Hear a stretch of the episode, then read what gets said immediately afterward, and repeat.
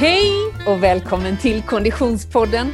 Vi är framme vid avsnitt sju denna sjätte säsong och jag som pratar heter Frida Zetterström. På andra sidan skärmen, på andra sidan poddmikrofonen i detta digitala samhälle i en helt annan stad sitter Oskar Olsson. Hej Oskar! Hej Frida! Hur är läget? Jo men det är faktiskt jättebra, det är lite ensamt här i studion men du känns ju så skrämmande nära för du finns i mina öron och jag ser dig bara en meter bort här iklädd ditt fina underställ som jag antar du har skidat i idag. Ja, jag eh, eh, befinner mig i Sälen och eh, i, i poddstudiosammanhang så är det då jag som är uppkopplad på, på storbildsskärmen. Jag ser ju dock dig genom min dator och jag noterar att du har satt dig på platsen där jag brukar sitta i vanliga fall. det, det, var här, det var dukat med mikrofon Jag tänkte, ska jag vara programledare idag? Men jag hoppas att du kan ratta det fastän du sitter i Sälen mycket bra. Det är härligt att en av oss är i studion i alla fall och producent Niklas eh, eh, rattar spakarna precis som vanligt. Jag är ju som sagt uppe i Sälen för att åka skidor. Det blev lite tredje gången gilt för min familj att ta sig iväg på en skidåkningsvecka. Eh, och nu har vi avverkat två dagar här i backarna. Eh, trots att det blåser rejäla kastvindar, hade varit bättre för segling än skidåkning, kanske rent eh, vindmässigt, så är det fantastiska förutsättningar måste jag säga. Vi har eh, eh, fått till många carvingsvängar och, och, ett och annat hopp i skogen också. Så att, eh, jag är mycket glad och lycklig över detta. Och precis som du sa sitter jag givetvis i underställ som sig bör. Mm. Du, du har varit ute och sprungit idag? Ja, det är ju countdown eh, varje dag känns det som men det är super idag för det är ju 6 april och det är ju alltså 6 juni blir ju 60 dagar, två månader, åtta veckor kvar så att eh, mm, det ja. gäller att trycka in de där milerna nu som att, eh, så jag inte står där helt oförberedd Men du, vad, vad, vad, stod, vad stod på träningsagendan idag då, 60 dagar before due date? Ja, eh, jag sprang eh, nästan tre mil eh, i Sandsjöbacka eh, mm. och så simmade jag i morse ehm, och ehm, jag har lite trötta ben idag, jag cyklade fem timmar igår med lite intervaller i mitten så att ehm, eh, ja, det är bra ibland att, tycker jag, att eh, springa långt efter långa cykeldagar för att benen är liksom lite trötta så att det blir det här att öva sig på att springa med trötta ben. Just det.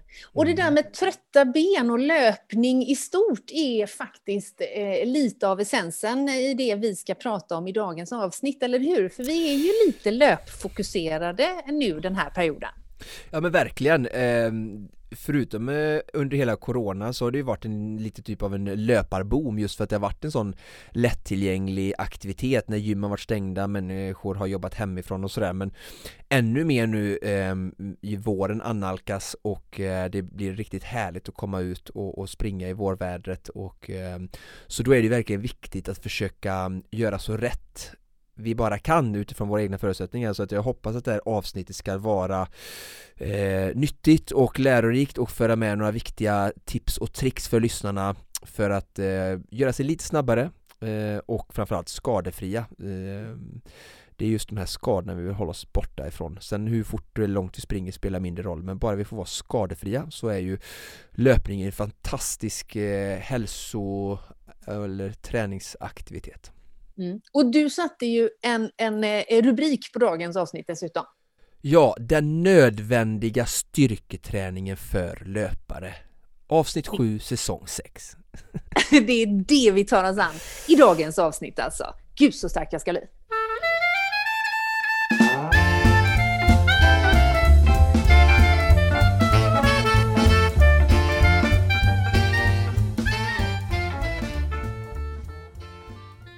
Vi är så glada att ha med oss vår poddpartner Odlo under hela den här säsongen. Eh, precis som du sa Oskar, så ser du på storbildsskärmen att jag sitter i mitt Odlo-underställ. Det är ju liksom ja, som det förebild. jag Jag önskar jag kunde säga detsamma, men jag har eh, Odlo briefs på mig Eh, så att jag är nästan lika bra. Men, ja, eh, och då kan man säga att du har Oddlow Briefs. Det vet vi alla vid det här laget. För vad var det som hände på Instagram i veckan, herr Oskar Olsson? Ja, jag vet inte riktigt. Eh, nej, men jag, jag, jag följde väl upp, jag fick ett sånt där ryck som jag får ibland. Eh, att jag skulle mm, spinna vidare lite på det här roliga engagemanget. Ehm, eh, kring briefs eller boxer eh, hos killar. Både mm. från en kvinnlig synvinkel då som, som, som ser sina män eh, eller killar eller vänner i, i de här kalsongerna men även då män som använder dem. Ehm, så, så fick vi ju jättemycket, ehm, från efter avsnittet fick vi jättemycket engagemang vilket var jättekul med kommentarer och DM och mycket folk som tyckte till vilket var jättekul. Och sen så kände jag att jag skulle göra en omröstning. Och för att ge omröstningen en liten eh, rolig twist i allt eh, påskfirande så tänkte jag så här, men jag kan ju vilja göra ett roligt content-inslag här där jag åker rullskidor eh, jättefort nerför eller uppför i bara kalsongerna för att liksom göra lite statement hur eh, gick det här till undrar jag när du spelade in detta? För jag var ju, jag, jag, jag, jag tar ju mina händer ifrån detta. Jag var inte närvarande eh, vid detta episka ögonblick hur, hur, hur, valde du plats liksom? Här blir bra att strippa ner i kallingarna och köra jättefort förbi kameran. Eh, ja men typ, nej men det är en backe som jag, jag fick ju hjälp såklart att ta kort och, och, och sådär eh, och filma men eh, jag brukar köra intervaller i den backen eh, Jag var hos min sons eh, farmor, min tillika mamma eh, och firade påsk Ehm, så att eh, det är en, en, en välbesökt enkilometersbacke. Så att eh, jag tänkte jag avslutar passet med lite content ehm, Efter att jag kört mina intervaller. Och eh, jag kan säga så här Jag, de som tyckte det såg kallt ut så, så tänkte jag när jag åkte ner där och jag var lite halvvarv, kört intervaller men liksom, det var ändå 5 ja, plusgrader kanske. Lite vind och jag frös mycket mycket mer när jag åkte ner eh, mot Tänning eh, under Supervasan. Så att eh, det var ganska varmt och behagligt i jämförelse så att det, det gick jättebra. Ehm, Och sen var det ju bara det här med, med bilar och inte ramla eh, när, när, när jag var naken och så men eh, jag tog inga risker så det, det var tämligen riskfritt eh, content Just det. Men själva under, undersökningen gick ju då ut på att eh, du ställde frågan vilket man föredrog, eh, boxer eller briefkalsonger, vilket ju då i sin tur var en förlängning av att vi i förra avsnittet pratade ganska mycket om vikten av att ha rätt underkläder när man tränar. Och Odlow eh, erbjuder ju detta. Eh, vad blev resultatet av undersökningen då? Ja men eh, bland herrarna så tror jag det var typ 87-13, alltså 87 procent. Och där var det ja, över 200 som, som röstade och bland tjejerna så var det 89-11, alltså 89% för boxer och 11% för briefs då och där var det över 300 som röstade um, så att det var ju utklassningsseger för boxernas fördel um, Så jag, din, din roll som brieffrälsare, där har du lite kvar att jobba på kan man säga? Om jag ska vinna över, om jag har någon egen vinning att vinna över folket så att säga till mig ja. Så ska jag vinna över tjejerna så får jag väl försöka bara fortsätta posa och försöka ändra deras synvinkel vad som är sexigt på en man Och sen när det gäller herrarna så får jag bara försöka fortsätta prata om hur snabb och skönt det är att eh, ha snabba kläder på sig och, och jag gjorde själv en sån här, jag gjorde ett inlägg faktiskt på min egen Instagram eh, där jag bad folk sen att gå in och kommentera och det har börjat kommenteras en hel del där och eh, det är mest hittills bara sådana som är ja-sägare till mig då. Och jag tänker att eh, kanske inte folk eh, vågar, eh, inte jag ska inte säga att vågar men inte känner sig lämpligt att när de vet att jag är sån att de är lite ödmjuka då och inte säger att ja, men boxer är bäst för detta, detta, detta. Eh, Men jag, jag, kanske ska få läsa upp någon bara för det är lite roligt att höra att jag får lite medhåll då trots än att eh, jag erkänner verkligen eh, boxens, boxens storhet över briefsen, det har jag inga problem med och ehm, erkänna, eh, om vi nu ska se det som någon tävling. Eh, medan du letar efter en kommentar där så kan mm. jag ju passa på att säga att vi tillsammans med vår poddpartner Odlow vill ju inte bara lämna den här tävlingen hängande, utan det är ju faktiskt så att vi ger ju er som lyssnar möjligheten att nu testa på eh, de här underkläderna eh, på riktigt. Vi ska ju lotta ut, eller hur? Verkligen, och efter, det ska bli jättekul att höra vinnarna sen och vi kan hoppas vi kan återkomma här i senare avsnitt att när vinnarna har Jag hoppas att vinnarna, nu om det, vi kommer att göra så att vi lottar ut både briefs och boxer ja. och Jag hade hoppats på att någon typ boxer-fan väljer att försöka vinna ett par briefs Så att det kan ju vara så här, hur många av de som har svarat har faktiskt testat ett par sköna briefs? Det kan ju vara så att eh, de, de, de röstar och så har de inte testat. Men skitsamma. Förhoppningsvis är ni trygga i ert användande av underkläder.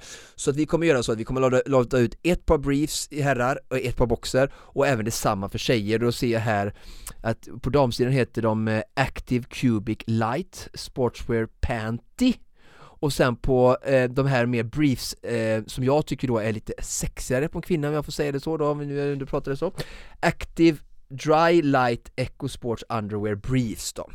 Så det finns ju både och där för, för damer, eh, då de som är lite mer eh, trosliknande höll jag på att säga, eller de som är lite mer eh, boxerliknande då. Men de är ju gjorda för träning. Men nu är det ju så att, och även Simon som är vår kontaktpodd erkänner att han använder dem året om. Så där även har jag en till som står i min, i min kör då eh, Doa och doar i bakgrunden eh, bland 11% eh, Och tycker att briefs året runt träning eller icke träning är the way to go. Nej men så jättekul, så ehm, eh, eh, ni behöver bara följa med vad som händer på Instagram, jag kommer göra ett inlägg där jag eh, outar de här fyra olika eh, trosorna eller kalsongerna. Eh, så vi kommer att dra fyra vinnare och jag kommer också såklart eh, noggrant beskriva vad vi vill att ni gör för att delta i tävlingen. Just det. Så tack Odlow för att ni eh, hänger med oss som poddpartner under hela den här säsongen. Eh, och tack för att ni erbjuder riktigt bra underkläder för oss som vill träna. Hittar du någon kommentar eller? Ja, eh, nu var det lite roligt snabbt här Agree, bring back the budgies and equally below the waistline attire. Det var engelska jag knappt förstod men det verkar som att han var i alla fall för briefs. Eh, Briefs är absolut att föredra både för paketet sitter på plats under träning och att man slipper väck på byxlåret från boxens kant Har mantrat från barndomen att man skulle bli steril om man inte höll det på plats vid träning. Eh, Boxer var väl en trend på det tidiga 00-talet, det finns väl ingen som använder sådana längre, det tycker jag var så bra Det ser ni! ja, Boxer var bara en sån uh, Björn Borg-fluga som hände för 20 000 Nu är det 2020, nu är vi tillbaka på det ljuva 70-80-talet när det gäller Breeze-modet Ja, det är bra. Den här, eh, eh, den här diskussionen lär ju fortsätta, mycket tack vare vår poddpartner Odlow. Tack så mycket Odlow!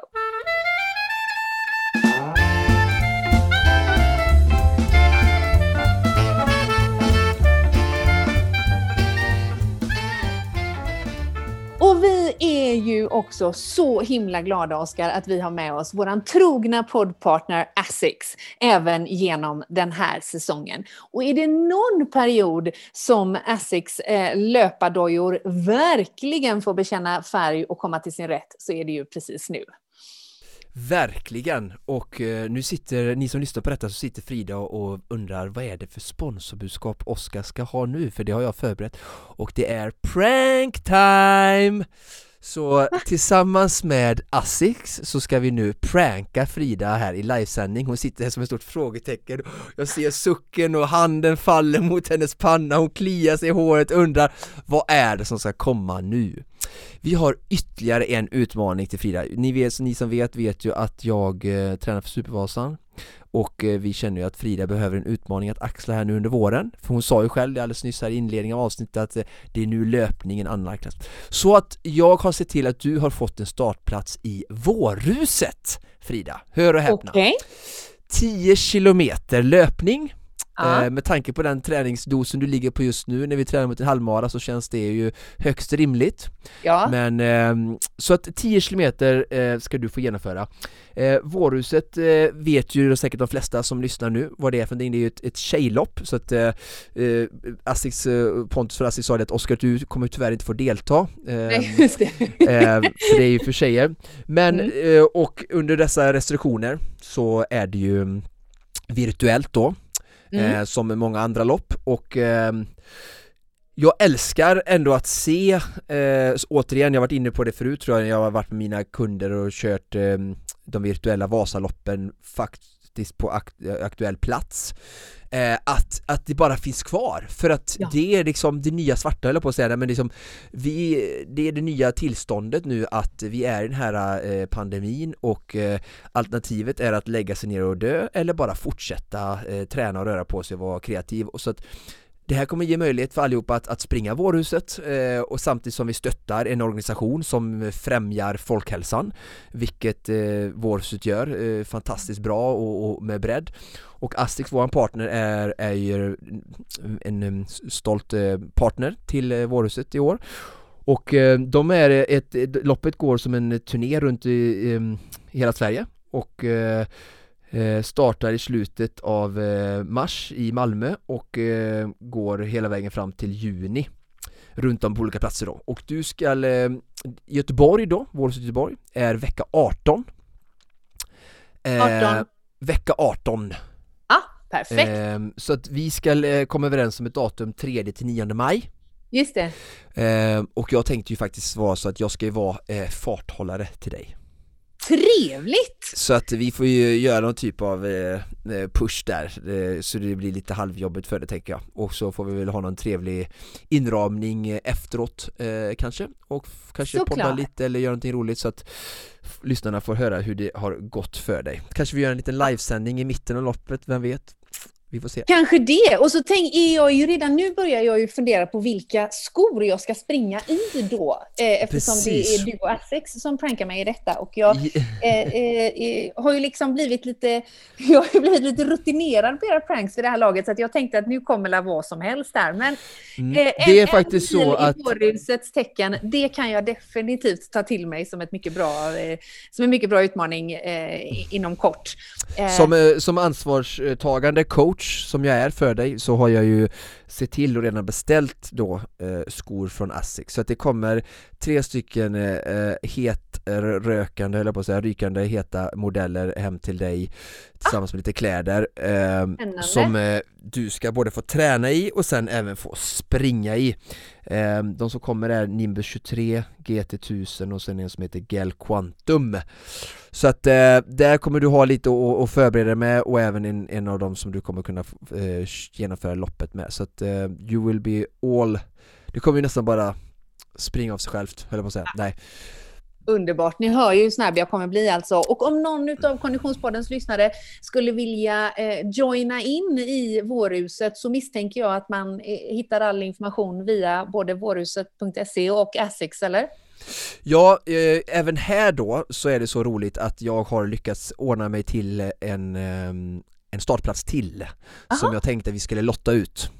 Så ja. även här kommer det att i vårt Instagramflöde komma ut en eh, tävling där Eh, eh, en tjej då, av bland mm. våra följare, kan vinna en startplats till värde av, tror de kostar 360 kronor och få chans också då att göra ett virtuellt lopp och jag vet att det inte är ett vanligt lopp där det är medalj och på det sättet, alltså vanliga traditionsenliga sättet men ser det här som alltså verkligen ett sätta upp, det är det jag jobbar med dagligen mina kunder, alltså att vi vet inte om vilka tävlingar men vi sätter upp ett datum någonstans fram i tiden som vi vill göra någonting i en bedrift och så, så gör vi det och blir mm. inte tävlingen av så gör vi det hemma på våran bakgård och det funkar också för att det är verkligen så, så som jag har sagt så många att det är resan dit och, och sen jag menar, okej, okay, nu ska vi träna du och jag, idag ska vi prata om styrka för löpare, vi kommer mm. göra de förberedelserna, du kommer få träningspass och lite intervallpass inför den här om fyra veckor, det här loppet.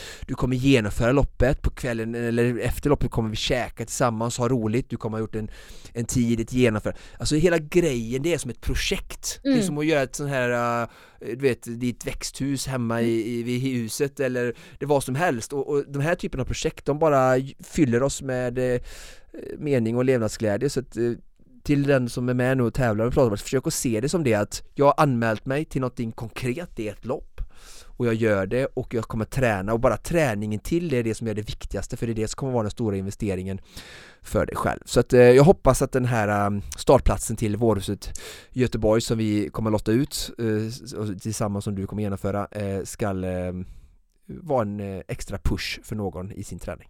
Mycket bra och vi tackar ännu en gång Essex för att eh, ni eh, hänger med oss som poddpartner men ännu mer kanske för att ni är med och motiverar oss alla till rörelseglädje och eh, träning i denna tid och alla andra tider och perioder. Så ser jag fram emot de där löpardojorna. Det ska bli spännande att testa.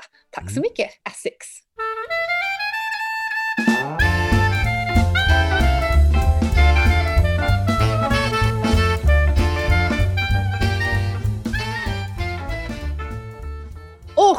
Oskar, tack så mycket säger vi ju även till vår poddpartner Polar.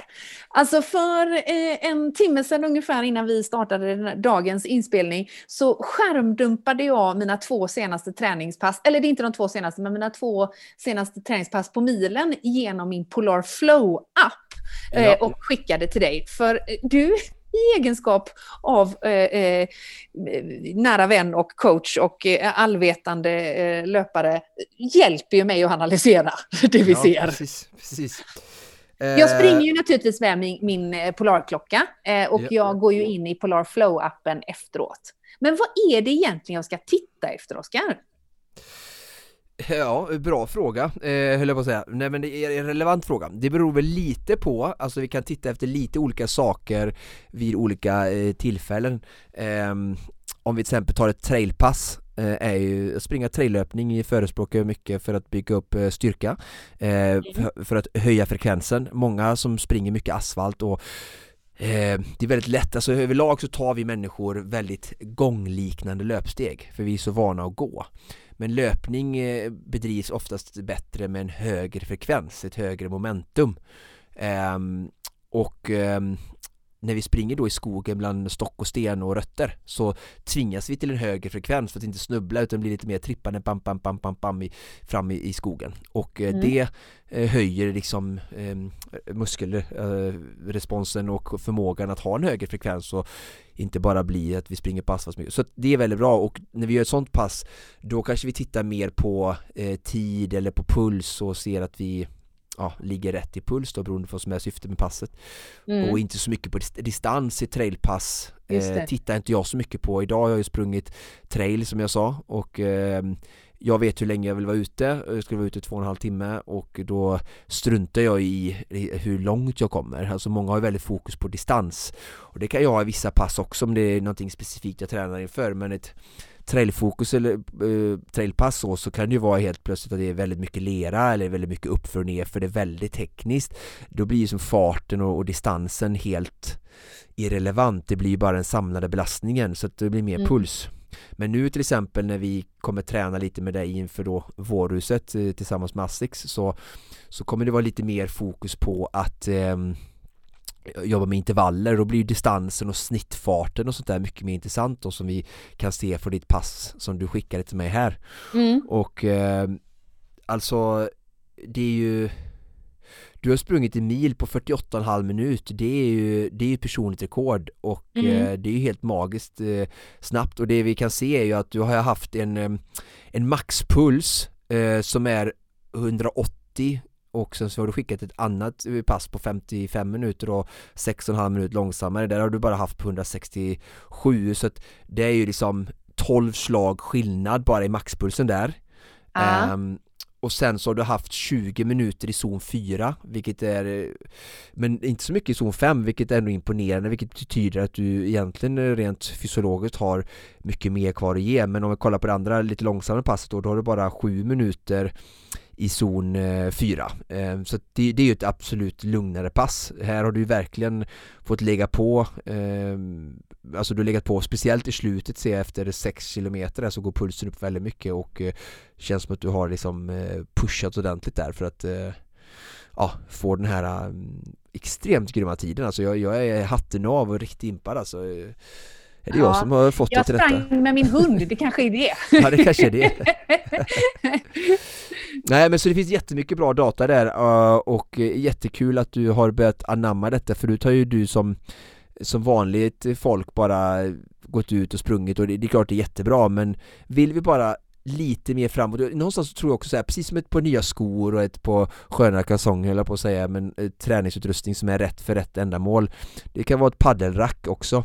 Ja. Eh, så tror jag att eh, Alltså att, att, att följa våran träning på mm. det här sättet som du gör då med klockan. Mm. Att du, jag tror att det kan också skapa samma typ av motivation som bra träningsutrustning, alltså att vi ser, vi får en dagbok, vi kan jämföra. Jag kommer vilja att du kör de här rundorna igen. Mm. Då kan, många har ju sådana här testrunder då. Eh, Emil mm. Lindgren till exempel, en, en kärvänlig gäst flera gånger i podden som är yeah. Sveriges bästa mountainbikecyklist. Han har en testrunda på 6 km, 6,6 i ett elljusspår där han kör då på tid all out eh, yeah. och så får han lite svar när han kollar på sin uh, wattdata, sin puls och så upp sin upplevda, upplevda känsla då vad, vad det har gett honom kan han yeah. ladda över det och så kan han gå tillbaka och titta inför olika tävlingar kanske och se hur hade jag den här gången, vad hade jag då och sådär så mm. det där tror jag kan vara en, en väldigt bra motivationsboost så att eh, jättekul att du som liksom tack vare podden har introducerats till din Polarklocka och Flow att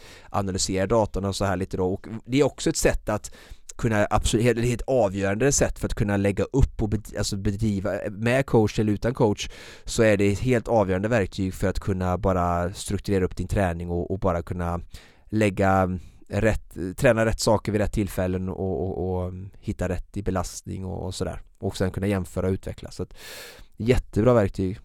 Mm, jag är verkligen eh, sjukt tacksam för min Polarklocka och känner att det är någonting som eh, eh, eh, hjälper mig i eh, både motivation men också dokumentation som du precis har sagt. Och den är ju enkel och eh, eh tillgänglig även för den sortens motionär som jag är, det vill säga som inte har stor erfarenhet av att och, och, eh, hålla ordning på, på liksom, eh, puls och liknande. Så det är super, super härligt och vi är så glada att ha ha Polar med oss hela den här säsongen.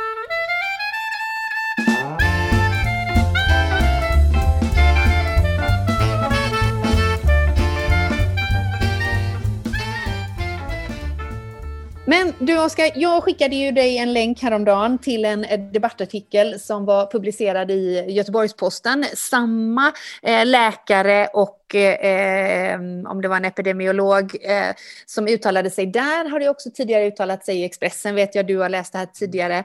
Eh, det kommer ju onekligen mer och mer eh, röster som höjs för, eh, på samma tema som du har varit inne på väldigt länge, det vill säga vad får egentligen lockdowns och eh, pandemin i stort för konsekvenser för folkhälsan utöver covid i sig. Vad får den eventuella passivitet som många eh, lockas in i, få, vad får det för konsekvenser? Vi hör ju mer och mer om det nu, eller hur? Ja verkligen och eh, ja, jag, eh, som sagt som du säger så har vi varit eh, inne på det eh, Alltså jag tycker vi bör prata om detta bara någon månad in i pandemin om det jag sa hela tiden så här att jag säger inte vad som är rätt eller fel, jag heter inte eh, Anders Tegnell och jag har full eh, alltså, ödmjukhet och respekt för andra yrkesroller men jag bara saknade den delen av debatten. Mm, mm. Och jag, jag, behöver bara stanna här lite och gå tillbaka till lite saker. Det var lite exakt så här samma tillbaka på min studietid när jag läste om, när jag läste kost. Just det. Så, så var det så här att jag hade ju mitt eh, vi hade ju många av mina klasskamrater vårt egna fria tänkande. Mm. så så många eh, alltså röster som vi har sett, inte i media utan på andra håll då som har varit lite inne på samma spår som, som mig.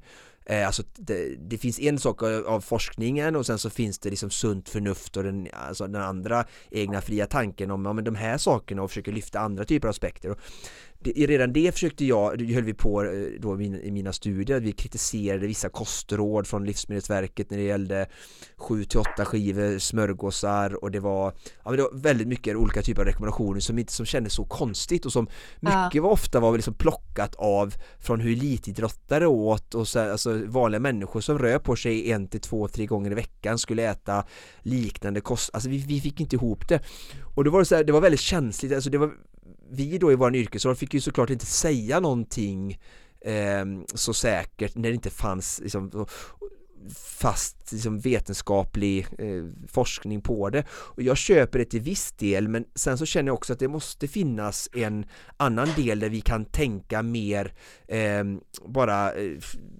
utifrån vårt sunda förnuft och hur ja. känns det här? Alltså, varför ska någon som rör på sig lite äta jättemycket kolhydrater när vi vet att kolhydrater eh, driver upp eh, blodsocker, det lagar in lättare att få i sig mycket energi, lagrar in liksom glykogen energi som, som leder till övervikt och alltså och inte äta, vi består mycket av fett och, och vi håller på med lågintensiv aktivitet i vår vardag massa sådana saker. Och tillbaka då till, till pandemin när den började så var det också så här att väldigt hårt, en linje, det är det här forskningen säger nu, det här är vid en pandemi, bla bla bla bla bla. Och eh, det fanns såklart ingen forskning på andra saker, precis som det ibland är när det gäller kosten. Eh, och nu så börjar den här datan samlas in på ja, för de här rösterna som vi hade innan, alltså vad, kom, vad är konsekvenserna till alltså lockdowns och, och restriktioner och corona, hur, hur kommer det här ur ett långsiktigt perspektiv få för konsekvenser? Och då nu, nu börjar de här artiklarna som du refererar till eh, verkligen komma och jag, jag tycker att det är jättebra Jag, jag kommer ihåg när jag läste både denna och sen en som SVT publicerar nu om hur fetma är väldigt ehm, eh, stor, eh, alltså de med stor fetma och högt BMI drabbas mycket hårdare av eh, corona för att de har en sämre andningsapparat och coronaviruset angriper andningsapparaten och då, då kommer de kunna, inte kunna stå emot det på samma sätt som en, en mer friskt fungerande människokropp. Eh, och det, det, det, här var ju saker som jag lyfte innan alltså som jag tycker så här, det här kunde vi väl varit lite, alltså det måste vi alltid vänta eh, jättelänge för att samla in data för att kunna säga. Det här var det så många andra, både läkare och som du, de du refererar till som, som hade kunnat säga långt innan och men vi är så, någonstans är vi så rädda och så är det väl så att också att det, det, det eh, drivs eh, en viss del av samhället som, som driver vissa frågor och eh, det är mycket politik och rädda att eh, stå handlingsförlamade och, och hej och hå och, och sådär. Eh, och det kan jag ha respekt till för en del också för det kan inte vara lätt att, att styra något av, av något land i världen i, i, i en pandemi. Men eh, absolut att jag får vatten på min kvarn av allting jag har sagt nu när de här artiklarna kommer och eh, jag skulle bara, vill bara säga det, vi som sagt, vi, vi med Supervasan eh, jobbar för folkhälsan, Vasaloppet jobbar med folkhälsan, Asics nu jobbar jag och stödjer projekt för folkhälsa just för att få folk att springa mer och mer rörelse. Det är det, alltså fetma är den riktiga pandemin, alltså det och, och, och svält är den mm. viktiga. 14 000 barn dör varje fucking dag 5 miljoner varje år, år ut år in. 2,5 miljon dog i corona förra året, eller 2 miljoner. Alltså det är barn som inte ens fått chansen. Medianåldern publicerar nu är 85 år av de som dör i corona. Mm. 85! Men de flesta av mina mormor, farmor och farfar, de blev aldrig 85 Nej. För de körde som jag, all in i matta. Och då menar jag så här, jag vill inte att 85-åringar ska dö i corona, men vad händer, de här 14 000 barnen som dör i svält? Alltså mm. mitt hjärta och mitt samvete vrider sig liksom ut och in För att det har blivit en sån skevt fokus Så jag, jag känner bara någonstans att återigen, som jag varit inne på förut, vi behöver gå tillbaka eh, Inte ha så bråttom, liksom bli mer mänskliga, fundera på hur vi Vi pratar ingenting om så här Vänta nu, hur är det, vad är det för samhälle vi har byggt upp? Som har drivit oss till den här situationen att det är så många feta människor som klarar inte av det här viruset och så eh, är det så många barn som inte ens som är helt, föds helt friska men som dör av svält. Mm, alltså, mm. det kanske vi ska bara komma tillbaka till och försöka reflektera över det och så sätta saker i paritet mot varandra. Alltså att istället för att bara fokusera på hur många som dör, också fokusera på den andra sidan, alla människors företag, människors liv, självmord, det långsiktiga, alltså vi måste väga saker mot varandra. Och då vet jag att någon sitter hemma och tänker på, men Oskar det är massa friska som dör. Ja, fast tyvärr så måste jag säga att det är några få som bekräftar undantaget. De flesta är sjuka, gamla eller feta. Så mm. är den bista, så talar siffrorna talar för sig själv. Sen är det ingen som vågar säga det och säga så här fetma och folk som bara har hivat i sig snabbmat och godis i, i 20-30 år De är liksom en stor, bär stor del av ansvaret till alla lockdowns just nu för det är de vi försöker rädda och det är de som gör att IVA-platserna är fulla just nu. Jag är ledsen men det är den sanningen. Någon som vill säga något annat så säg det. Och när vi gör restriktioner eller vi tar beslut Då är det inte så att vi brukar ta beslut eller göra reformer för den lilla massan. Alltså Oskar Olsson är ju extremt speciell person, jag vet om det och jag står för det. Och när de kommer på någon reform i, uppe i Rosenbad så är det inte tänka så att ja men nu ska vi ta hänsyn till Oskar, han är ju en minoritet här i landet. Nej, när de tar fram en, en, en reform då tar de fram den för en stor grupp som vi ska hjälpa. Då, tänk, då skiter de väl i Oskar, egenföretagare i Bildal. Nu ska vi göra någonting som gynnar honom. Det är inte så det funkar. Och min, likadant med Corona, om vi ska göra restriktioner eller vi ska göra beslut Då kan vi inte tänka nu ska vi skydda en jätteliten grupp, alltså de friska unga människorna då som får problem med Corona. Det är inte de, tyvärr kan vi inte göra, ändra hela coronarestriktionerna eller göra beslut som gynnar dem utan vi måste gynna, ta beslut som gynnar en, en stor grupp alltså. Och då är det så att vi ska skydda riskgrupperna, tjocka, gamla, människor med stora liksom, risksymptom och sen låta andra människor som det alltid har varit jobba, leva för att kunna bära de svaga. Det är det svensk välfärd går ut på. Jag fattar inte hur Löfven tänker, han är den största välfärdsförspråkaren in the world. Och detta ska mm. inte vi fortsätta prata om nu, men vi ska, det är sånt bra, det är sånt bra ingång på dagens ämne, för det är precis det handlar om också. Alltså enligt mig då, för att precis som coronan väldigt, på ett väldigt liksom surrealistiskt sätt och mot, alltså produktiv, eh, kontraproduktivt eh, just det här med att vi har som välfärd och äter oss feta och så kommer ett virus och så blir det helt fel grupper som drabbas och de, ja, jättekonstigt. För att vi bara har skenat iväg anser jag utan att ta hand om oss själva. Så har vi massa löparentusiaster och människor som vill springa som blir eh, skadade eller som inte når resultat och allting. Och för mig är det samma typ av beteende som jag vill att vi ska ändra på även här. Och det handlar om att backa bandet lite och göra om, göra rätt, göra saker och ting ordentligt från grunden och inte ha bråttom. För att människans tålamod, och det har jag själv eh, egen eh, eget vittne på, alltså mitt tålamod har inte alltid varit så bra eh, heller. Eh, så att jag kastar inte glas i glashus, men eh, sten i glashus. Men, så det vill jag säga är att precis som att vi behöver ha tålamod för att ändra den stora pandemin som är folkhälsan, fettman och all ohälsa för att stå rustade så behöver vi bygga oss till löpare från grunden. Just och, det. Eh, så det för mig in då på dagens avsnitt som är Eh, styrketräning för löpare. Och jag tänkte att vi ska eh, gå igenom ehm, styrkeprogrammet som jag vill att du ska eh, gå igenom med olika övningar. Och ehm, jag vill inleda med att lite försöka förklara att se, om vi ser kroppen som en bil Mm. Det är en mm. bra jämförelse. Alltså vi använder den, vi, vi förväntar oss att den ska ha bra funktion, den ska vara snabb, stark, uthållig. Vi tankar den med lite bensin eller lite mat och så står den i garaget eller i sängen på natten och sen så ska den vara good to go igen och så ska det bara gå så. Och, och då tycker jag det är så roligt då att det är väldigt få människor i min närhet eller omgivning eller i samhället av de jag ser som någonsin skulle köra en bil när den röda servicelampan lyser. Det första människor gör på sina liksom jättedyra halvmiljonsbilar ser en röd lampa ring Hallå, hallå, service här, det lyser en lampa, jag ska göra, släck det Så bokar de in en servicetid och så kommer de in precis innan oljan är slut och motorn skurit och så får de byta eh, och så kan de fortsätta köra skiten ur sin bil. Eh, vilket är så bra. Men när det kommer till exempel att boka in en svindyr i människors folks behandling, eh, ögon, eh, eh, massagebehandling eller naprapat eller kiropraktor eller yoga eller PT eller något annat liknande eller eh, styrketräningstimma, alltså träna styrketräning eh, så är det helt plötsligt inte lika intressant utan det som vi gör är bara så här, vi gör bara själva bilkörandet mm. vi springer våra intervaller, vi kör våra långpass och sen det andra, det är inte så jävla roligt. Och då tänker jag så här, en bil kan du alltid köpa nya delar till.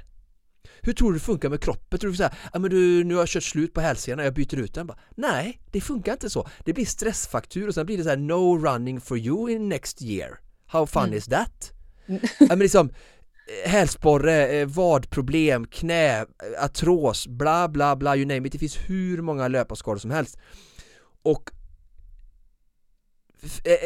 Does it make sense? Har jag proved my point? Ja, oh ja, oh ja. det känns som att vi är framme vid min tusenmila service nu. Ja, precis, precis, precis. Och jag menar, det, det, jag vill bara skicka med nu när vi går in i den här, liksom, den här styrketräningen och allting, att jag kan inte med ord beskriva vikten av att tänka, gå tillbaka, backa några steg, ha tålamod och göra alla rätt. Och idag ska vi försöka då snissla oss förbi lite olika typer av styrketräning för löpare som är specifikt eh, för stöd. Och sen känner jag redan nu när vi sitter och pratar bara att vi kommer behöva ha ett typ rörlighets mobilitetsavsnitt ja. för löpare också för det är minst lika viktigt också men klockan har säkert redan gått eh, över våran tid så att jag känner att det får vi bara bordlägga och hoppa rätt in i eh, styrketräningen och eh, jag bad ju dig att du skulle ha någon typ av stol ja. eh, jag har tänkt att när jag har gjort det här programmet nu då så har jag försökt tänka att gym är stängda, det finns inte så mycket vikter och sådär eh, så att på, på, på det ena eller andra måttet som man säger i Norge så, så tänker jag att det här eh, passet ska gå att genomföra eh, utan eh, några vikter eller utrustning mer än en parkbänk eller en, en stol då. Just det, mm. ja men det, det eh, löser Sen så Sen så, så, är det ju så att alla de här övningarna går att göra lite tyngre och jag kan ju inte, ge, jag kan inte ge eftersom inte jag vet vem som lyssnar så kan inte jag säga hur mycket vikt eller hur mycket du ska öka eller hur mycket du ska träna för jag har ingen aning om. Men alla som, som lyssnar nu förstår ju att är ni vana löpare och har gjort liknande saker innan kan ju såklart försiktigt lägga på vikt direkt och sen successivt öka om ni har tillgång till vikter hemma eller gym eller något annat. Så det går ju alltid, de här övningarna går ju att belasta um, så. Och mm. Men eh, så, så, det vi har framför oss här nu då, det är helt enkelt ett väldigt konkret träningspass som fokuserar på eh, styrka för löpare. Du har ju satt ihop passet för att det ska passa mig och många av Konditionspoddens trogna lyssnare har ju eh, relativt bra koll på vad det innebär. Men för den som eventuellt är nytillkommen så kan man då tänka sig att det jag eller den som det här kan passa eh, löptränar just nu, eh, relativt regelbundet, men har svårt att liksom prioritera in det där styrketräningspasset. För att när jag väl drar på mig träningskläderna, då vill jag gärna få ut maximal löpning, tror jag, tänker jag. Så nu ska jag då helt enkelt lära mig att också få in styrka. Hur ofta, Oskar, skulle du säga att man skulle prioritera? Låt säga att jag tränar tre till fyra gånger i veckan, då, då, då, det är liksom bra för mig eh, om, jag, om jag hamnar där. Va, va, hur, eh, och, och, jag befinner mig nu i någon form av utmaningsfas där jag liksom ska uppnå något tidsmål och sådär. Eh, det skulle ju i, under vanliga rådande omständigheter kanske ha kulminerat i någon form av Göteborgsvarv eller liknande. Va, vad, eh, det kommer du göra, fast vi kommer göra det virtuellt. Det, det kommer du göra såklart, fast eh, kanske inte i, i så som vi är vana att se det hur, hur ska jag tänka i styrkepass? Är det, vilket pass byter jag ut eller hur ofta lägger jag till det i min, i min träningskalender? Jättebra frågor. Eh, och det är så bra att, att du kan representera det här för jag tror att det är många som ställer sig den här typen av frågor. Och eh, första då är det så att då kommer du säga så här Uh, jo men jag är i den här fasen nu och vi står inför den här stundande utmaningen. Hur ska jag prioritera? Bara, för det första så är det inte utmaningens tid som bestämmer hur din träningsplanering ska vara utan att det är träningen som bestämmer när du är redo för utmaningen. Förstår du vad jag menar? Mm. Redan mm. här har vi första problemet att nu är det ju så att eh, du har ju tränat ganska bra både med styrka och löpning eh, in mot det här vårdhuset så du är mm. fär, du, det kommer inte vara något problem att lägga upp det här på ett bra sätt Men nu vänder jag mig till människor som inte har någon träning, styrketräning alls och då säger jag så här Oskar nu är det ett eh, lopp här, en utmaning om fyra veckor så hur lägger jag upp det? Mm. Bara stryk utmaningen Börja om från början Sätt ett mål om 12 eller 16 veckor minst, gärna 16 eller 24 mm. och så hitta ett virtuellt lopp eller gör ett eget lopp hemma om det inte finns något att tillgå och så gör det rätt från början Mm. Um, för att svaret på det hur vi ska prioritera är ju så att minst två styrkepass per vecka eller kanske tre. Mm. Och för dig nu då i, i, en, i en inledningsfas Mm. Uh, och för dig då som säger så här, jag tränar fyra pass i veckan, det är helt Nej det gör jag inte, men ska... tre till fyra. Ja. ja, men om du tränar fyra så kan vi inte springa en gång i veckan, det är alldeles för lite. Mm. Uh, om, vi, om, om, om målet är ganska snart. Mm. Så att tränar du fyra gånger i veckan uh, så är det minst två styrka och så två löp då. Just det. Men sen, sen de sista fyra, sex veckorna då kanske det är noll styrka eller en halv styrka och fyra löp. Mm. Så man kör halva styrkepasset i kombination med ett lättare distanspass. Just det. Men, men förstår du vad jag menar? Så att mm. först göra mycket styrka och sen ju närmare en utmaning vi kommer lägga om och bli mer tävlingsspecifika Alltså, ja det är inte, det är inte styrketräning ska tävla utan det är löpning så då ska vi springa mer då Så att om vi tänker bara eh, gör det jätteenkelt för oss, säg, så här, men säg att det är 16 veckor bort så första eh, 4 till 6 veckorna så är det styrketräning två till tre gånger i veckan beroende på hur mycket du tränar och två löppass mm. och sen så när det är eh, de här fyra veckor i mitten så kör du en till två styrkepass i veckan och resten löpning och sen som sagt sista fyra, fem, sex veckorna av de här 16 så kör du eh, ett halvt styrkepass då som bara för underhåll och sen verkligen fokus löpning för då har du gjort det stora jobbet. Och sen så har du gjort din utmaning och då får du lite börja om igen. Öka upp mm. styrkan igen för att få in den som en rutin i din, alltså i din träningsvecka. Ehm, så då. Men och, mm. och styrketräning oftast eh, när vi lägger på vikter och hoppar så kommer vi göra ditt program Det skapar ganska mycket träningsverk. Vilket gör att li, den kvalitets, kvalitetsdelen av löpningen blir lidande. Mm. Vilket inte är farligt i en tidig fas men när vi kommer närmare tävling så vill vi börja liksom springa tröskel och VO2 maxintervaller på, på, på, eller snabbare än tävlingsfart och då kan vi inte gå runt med massa träningsverk i kroppen så det är därför då är styrkan borta men då har den liksom lagt grunden för att orka och klara av detta och framförallt hålla sig skadefri då. Mm. Men så svaret på frågan blir ändå så här ett stort styrkefokus i början av din resa och sen låt den bli mindre och mindre och låt löpningen ta mer plats ju mer, successivt ju mer du, du, du närmar dig tävlingen men sluta aldrig helt med styrketräningen. Just det. Bra! Men jag tror Bra. du är med på, på principen där. Absolut. Um, och då är det så här att jag skulle vilja inleda uh, med några um, tankar och ord kring styrketräning för uh, löpare och då är det uh, två saker, eller tre saker egentligen som jag skulle vilja nämna. Det ena är funktionell styrketräning.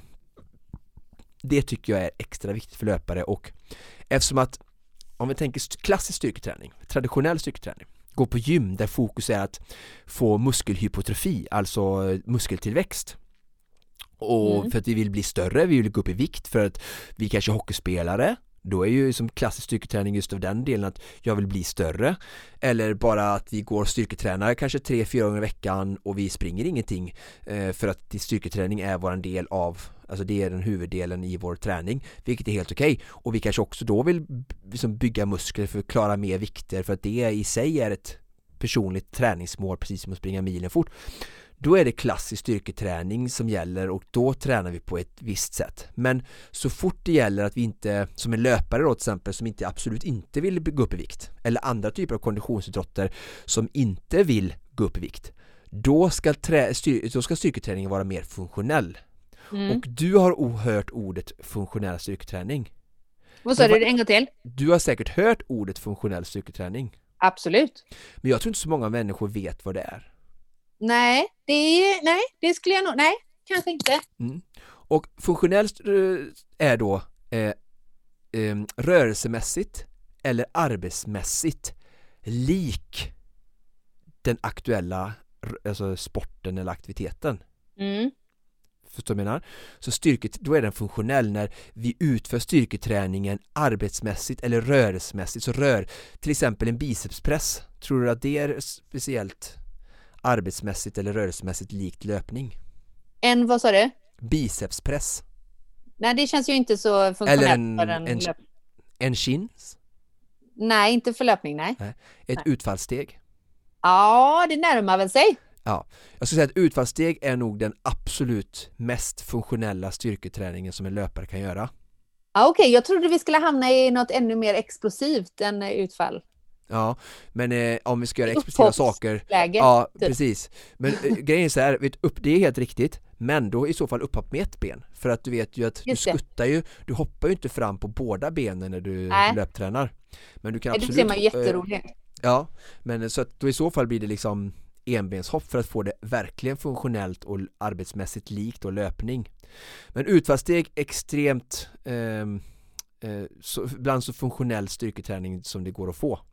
Så det tycker jag är den första jag vill skicka med och hur, Mm. hur vi tänker när vi bygger upp eh, styrketräningsprogram eh, och, det finns hur många varianter som helst. Jag har försökt ta saker som jag tycker är roliga och som jag tror på och som jag har haft bra effekt med mina adepter Ehm, och som många andra är överens med men det finns jättemånga olika övningar så att tro inte att detta är det enda utan jag vill bara prata lite filosofiskt om hur det är bra att tänka ehm, när det gäller löpning och styrka eller annan typ av styrka till andra idrotter.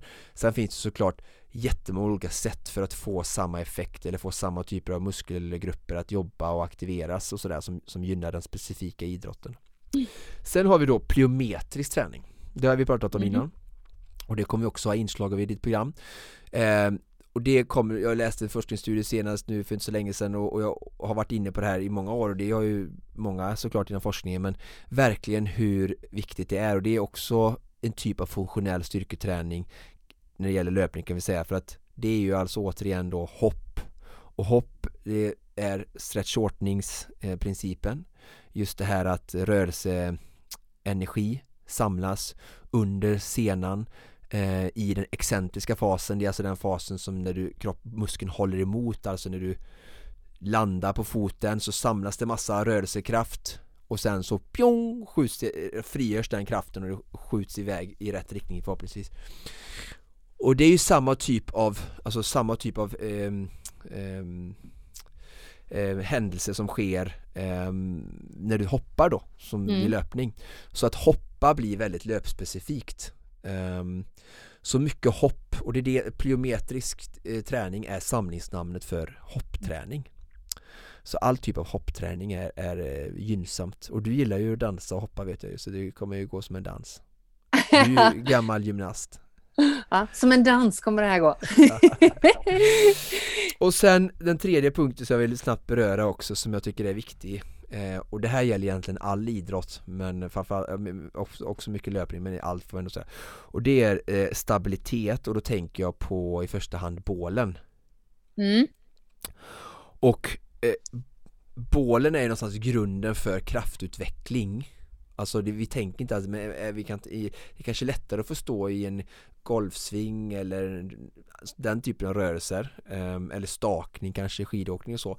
Men bålen är ju verkligen minst lika viktig vid löpning för att har du ingen styrsel så får du ingen hållning i kroppen och du kommer inte kunna få samma möjlighet att göra kraftutveckling i benen eller i ditt löpsteg.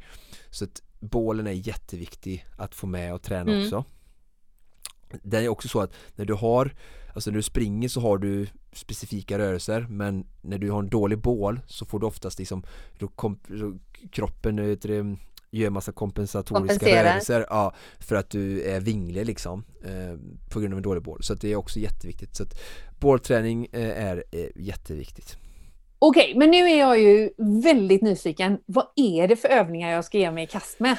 Ja, eh, tio stycken övningar här och du har precis avslutat eh, eh, 5-10 minuter hopprep som var din uppvärmning Okej, hopprep som uppvärmning. Bra! Mm. Ja, mm, jättebra med hopp som vi har precis har pratat om just plyometriskt då för så det är bra att också hoppa eftersom vi kommer hoppa sen och sen är hopprep generellt en väldigt bra övning för löpare och det är väldigt lätt att bli varm snabbt eh, Utfallssteg är första Mm. Ehm, så det är ju eh, jobba eh, utfall, ehm, eh, varannat ben, höger, vänster. Ehm, vi kan det beror ju lite på här vad som är vikt och inte vikt. Har man vikt så kan jag tycka att det räcker med eh, sex per ben. Har du, bara, har du bara din kroppsvikt beroende lite på vilken nivå du är på så kan du göra 8 till 10 per ben om du tar någon vikt. Men det får man känna sig lite fram. Jag tycker om, jag kommer visa det här på bilderna sen då i Instagram-inlägget, men jag kan tycka att det är bra ja. att ha händerna på axlarna korsade med varandra för att få en bra hållning, för det är väldigt viktigt här att ha en bra hållning. Ett mm. annat bra sätt är också att eh, jobba med armarna som vid löpning, så jag gör ett utfallssteg och så med vänster ben så tar jag höger arm fram. Mm. Så det blir, det blir väldigt löplikt rörelse. Men utfallssteg är nummer ett, sen nummer två Då har vi en parkbänk eller en stol eller någonting och, som är ungefär 40-50 cm Och så gör en step up. Och här tycker jag om att jobba med ett ben i taget. Så då ja. jobbar först eh, x antal repetitioner med eh, höger och sen med vänster. Samma sak här, eh, med vikt lite färre och utan vikt gärna mm. upp mot 10-12 stycken per ben. Eh, men återigen, är du jätteny så får mm. du börja lägre antal och jobba dig uppåt helt enkelt. Mm. Sen har vi deadbug. Um, den har vi pratat om förut, skidökningen, det är ju för den inre bollmuskulaturen väldigt bra. Ligga på rygg um, med 90 grader flekterad höft så att uh, knäna uppdragna mot höften uh, och sen även 90 grader i knäled så att underbenet ligger horisontalt med marken och sen har du armarna rakt upp eh, mot eh, taket. Ja. och sen så jobbar man med digital, alltså digitala, eh, diagonala eh, muskelkedjan då. Så att höger ben går ner och då vänster arm sträcker ner eh, ovanför huvudet. Så att eh, det blir som en diagonal sträckning med så långt som möjligt mellan tå, höger tå och vänster handfingrar. Eh, och här är då det absolut vitala. eh, att ländryggen har kontakt med underlaget. Då kan man förslagsvis om man, ha, eh, ta, om man inte känner det så kan man stoppa in sin hand i ländryggen för att uh. svankar du här så kommer liksom den dynamiska belastningen mekaniska belastningen eh, kommer på ryggen istället för i kåren. Så det är jätteviktigt att man inte svankar ländryggen i den här övningen utan man hela tiden eh, suger in i magen och trycker ner ländryggen i marken. Då kommer ni känna att det drar i magen. Bra, bra. Så det är, det är en bålövning som är bra. Sen har vi Bulgarian squat. Eh, mm. Eh, också en enbensövning så du stoppar du eh, foten på stolen eller soffan bakom dig och så går du ner som ett utfall också då som en enbens kan vi kalla att eh, döpa det till. Och eh, samma sak där gällande antal och vikt. Eh, sen har vi draken. Det är den här på ett ben, um, gärna en lättare vikt, 5-10 kilo i handen om man vill, om man är van annars utan mm. vikt så börjar med att man drar upp ena eh, knät eh, och sen eh, man, faller man framåt med höften och så eh, sträcker det böjda knät eh, bakåt ut i luften så att man står och svävar på ett, ett ben så mm. här spänna sätet är fokus här och baksida eh, och hitta balans också eh, och så jobbar man fram höger vänster höger vänster då bra. Men draken är en, en, en, bra övning eh, för stabilitet och rörlighet och även styrka. Sen har vi indrag. Den här gillar jag att göra med armbågarna på en pilatesboll men det går även att ha armbågarna eh, på eh, stolen eller armbågarna på en soffa till exempel. Ja. Så står du som en planka. Med mm, du står som på, en planka. Ja, med gärna armbågarna på en pilatesboll för lite mm. instabilitet. Och så jobbar du med ett knä i taget som du drar upp mot bollen eller soffan eller hakan. Ja, exakt. Så ett ben kvar i marken så jobbar man med varannat ben så då så du står och drar så höger vänster höger vänster upp och så jobbar man med magen också då. Mm, ja. Tänker på en rak, rak kropp. Sen har vi eh, boxjump då, favorit. Och här är lite lurigare då, eh, men det får försöka hitta, en, som sagt en parkbänk är ju stabil. En, en, uh, olika typer av vardagsrumsstolar kan ju vara svårt att hoppa upp på. Um, men här tycker jag är jättebra. Och uh, hoppa upp. Um, här är alltså utgångsposition, startpositionen är alltid fel oftast höll jag på att säga. Men alltså mm -hmm. bland folk. För startpositionen ska vara där uppe. Så du kan kliva upp på um, parkbänken hoppa okay. ner, sjunka ner i den excentriska fasen där du tar upp all den eh, all rörelseenergi som du skapar. Så du, många hoppar ju ner från boxen och så landar de med lite böjda knän och så böjer om. Men du ska ju jobba och bara direkt sjunka ner i en djup skott för att absorbera all den här energin som, som skapas med din egna kroppsvikt när den faller mot marken. Annars är det ju knäleder och höftleder som får ta stöten. Så det är inget fel, det här behöver inte gå fort. Många ser på olika typer av cirkelträningspass och olika grejer står och gör boxjump väldigt fort. Ja. Det här är liksom, du får gärna göra själva rörelsen fort. Um, men absolut inte att du ska göra liksom 10 repetitioner på tid. För då, då, då kommer inte det vara, för nu, nu är det ingen tävling vem som gör det här fortast utan det är ju, tanken är ju att få så hög belastning på muskeln som möjligt för att få så stor effekt från träningspasset som möjligt. Mm. Så det, därför får ni gärna vila hur mycket ni vill där uppe. För det är det övre och startläge. Så står du uppe, hoppar ner, sjunker ner och så direkt skjuter upp och hoppar upp igen. Sträcker ut knä och höft där uppe ah. på boxen eller bänken. Och så tar ett andetag och sen hoppar ner igen. Och här tycker jag det är bra att jobba med koordination för att kunna generera mer kraft. Och när du hoppar ner och landar så flyger armarna bakåt. Mm -hmm. mm. Precis som en backhoppare eller som en längdhoppare som står och hoppar ett jämfotahopp. Så du liksom, när du landar så la står du djupt i en skott med händerna rakt bakåt. Och sen när du hoppar så tar du sats med händerna och sen så landar du ju uppe på boxen och då är ju händerna tillbaka i bakom kroppen så att säga. Så det blir som en koordinationsövning där. Mm, just det. Så att du verkligen jobbar med hela kroppen. Och vill du inte göra boxjump så har jag skrivit upphopp innan parentes. Så då kan du göra upphopp på samma sätt, antingen rakt upp i luften eller gärna framåt. Och samma sak där, hoppa högt och långt, inte så snabbt. Landa, när du landar så landa inte på raka ben utan mm. hoppa och så landa så djupt du kan för ju djupare du kommer ner ju mer eh, kraft utsätter du musklerna för. Så att hoppa högt och landa djupt och sen börja där nere och hoppa till ett nytt hopp.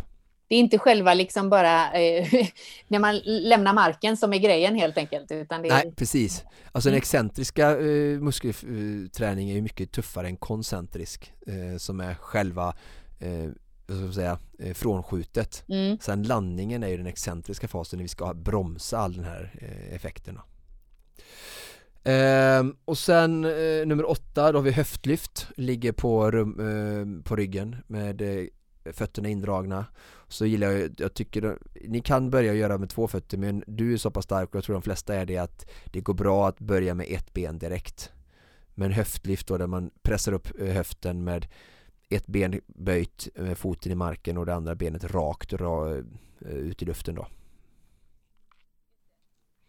Så det är höftlyft. Och sen så har vi enbenshopp och de går att göra på lite olika sätt. Eh, jag rekommenderar eh, börja med, och det är ganska effektivt och en bra övning, att samma sak som vi gjorde den här Bulgarian squatten, där vi har en fot bak på soffan eller stolen. Ja. Så sjunker du, sjunker du ner precis som borde att när du är på väg upp så tar du i mer och gör ett hopp av det och sen återigen då landar och absorberar kraften eh, ner igen i en enbens squat då. Så det är samma som Bulgarian fast du gör ett hopp då. Ja, okej, okay. bra. Um, och där får du gärna göra färre repetitioner då för det här är en tyngre övning men väldigt bra. Och jobba med ett ben i taget och fokus på att aktivera sätet och verkligen komma högt upp. Mm. Och sen den sista övningen går inte att komma ifrån för den är, alltså den är vår allas favorit. Och det är Burtby. Den sista övningen kommer vi inte ifrån, det var allas favorit sa du? Mm, det är Aha. Burtby. Aha, såklart. Såklart. Ja. Bara för att den är så himla bra för du får in lite flås, du får in core, du får in rygg, bra för hållningen, hållningen bröst eh, och ben och du hoppar så att återigen här gör gärna burpee inte crossfit likt för de ser ju jätteroliga ut och jag har full respekt för att det ska gå så fort som möjligt och jag har gjort det själv eh, någon gång men nu är det träning som gäller så att stå lite mer än axelbrett ja. Böj ner djupt, hoppa ut med jämfota fötter ut bak för att verkligen få en bra kåraktivering och kår är ju ländrygg också och rygg är inte bara bål utan det är hela korsetten runt omkring och höft och bäcken. Um, så att um, tänk på att hoppa ut ett jämfotahopp, hoppa jämfotahopp in igen. Mm. Och sen då upp och så hoppa högt upp, klappa händerna ovanför huvudet så verkligen sträcker och hoppar högt upp eller om du inte klappar så åtminstone hoppa högt upp och sträcka upp händerna rakt upp och sen när du landar så liksom landar du ju precis som vi pratade om med boxjumperna eller med upphopparna att du landar du direkt ner och absorberar all den här kraften så när kroppen är på väg ner mot marken så ta vara på all den fina rörelseenergi du byggt upp och bara mosa in den i gluteus maximus och hamstrings eh, så att det blir riktigt starka muskler. Mm. Hoppa inte, inte bara hoppa upp och så landa med raka ben och sen börja om övningen igen och bara okej okay, nu är jag nummer två, ner, böj på benen. Nej! Landa djupt från hoppet. Det är ju träning vi vill ha, det är därför vi håller på, vi är inte här för maska. Maska kan man göra i soffan eller när man använder tv-kontrollen för man är så fet att man inte orkar fram och ändra kanal liksom. Då kan man maska. när vi tränar maskar vi inte. Nej, just det. Eller så har man en sån platt-tv där det inte går att ändra kanal om man inte har en fjärrkontroll. Men det är en helt annan. Eller så har man ingen tv alls, som jag. Nej, det är precis, eh, det, det, det var alles. Eh, jag ska Bra! inte bli för långrandig. Eh, där har du fått din läxa. Du ska nu enligt coach direktiv göra detta passet någon gång där uppe i Sälen, gärna två gånger innan du åker hem. Okay. Det går att göra i stugan. Du lyckades ju göra yoga challenge mitt i natten. Vi hade poddinspelning på Svans läger så att du ska nog kunna hinna med lite sent det ska, nog, det ska jag nog definitivt kunna lösa. Och jag tänker så här Oskar, att vi, vi i steg ett så bara skriver vi ner övningarna. Eh, inte minst därför att jag behöver ha dem nedskrivna, men också till våra poddlyssnare kanske. Och i steg två kommer vi att eh, också dela med oss på vårt Instagram eh, av filmade varianter där vi får se hur de faktiskt skall utföras. Av dig ja, alltså. Det, det kommer Ja, det, ja, under min ledning, det är roligare, du kan få vara på bild tycker jag Visst är jag har beställt massa fina löpkläder till dig nu Just det, just det men det, det lovar vi ju inom mm. kort att leverera på våra sociala medier såklart. Och precis som vanligt Oskar så är det ju så att vi får, tar emot frågor och reflektioner kring eh, både eh, allt högt och lågt som vi har pratat om i det här avsnittet men också konkret vad det gäller övningarna, eller hur? Verkligen, och om vi inte svarar så är det inte för att vi inte eh, har eh, märkt eh, och skiter i det utan för vi kanske inte har sett eller inte hunnit med. Så var inte rädda för att skriva eller kommentera igen för och ligg på. Vi kommer inte tycka att ni är framfusiga. Vi vill inget hellre än att ni engagerar er, ställer frågor för det är därför vi finns till för att sprida kunskap inom detta område hälsa, träning och rörelse så att eh, ju mer som frågar ju roligare är det och vi får lite feedback på att vi är rätt ute gällande skapande av innehåll för våra lyssnare. Ja men verkligen och vi hoppas precis som vanligt såklart att det här ska inspirera till eh, rörelseglädje och träning eh, av det slag som passar just dig. Det känns som att vi har fått med oss mycket eh, kunskap i det här avsnittet Oskar.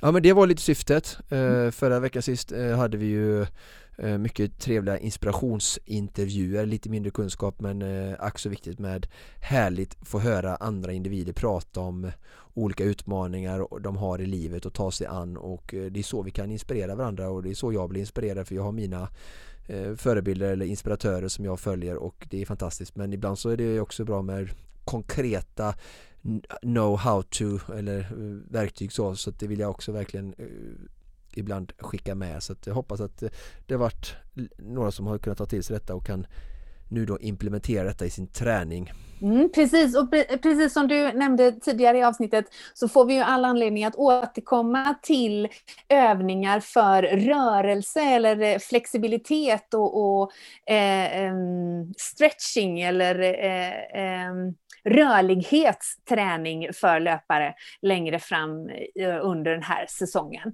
Eh, om du som lyssnar känner att eh, det här är ett avsnitt som jag tror att han eller hon behöver lyssna på, då blir vi väldigt glada om du vill dela med dig av avsnittet. Prenumerera gärna i din poddspelare på Konditionspodden och tveka inte som sagt att höra av dig till oss på Facebook eller Instagram om du har några tankar eller reflektioner. Det här var allt vi hade att bjuda på för den här veckan och för det här avsnittet. Precis som vanligt produceras Konditionspodden av Freda Connect Brands with People.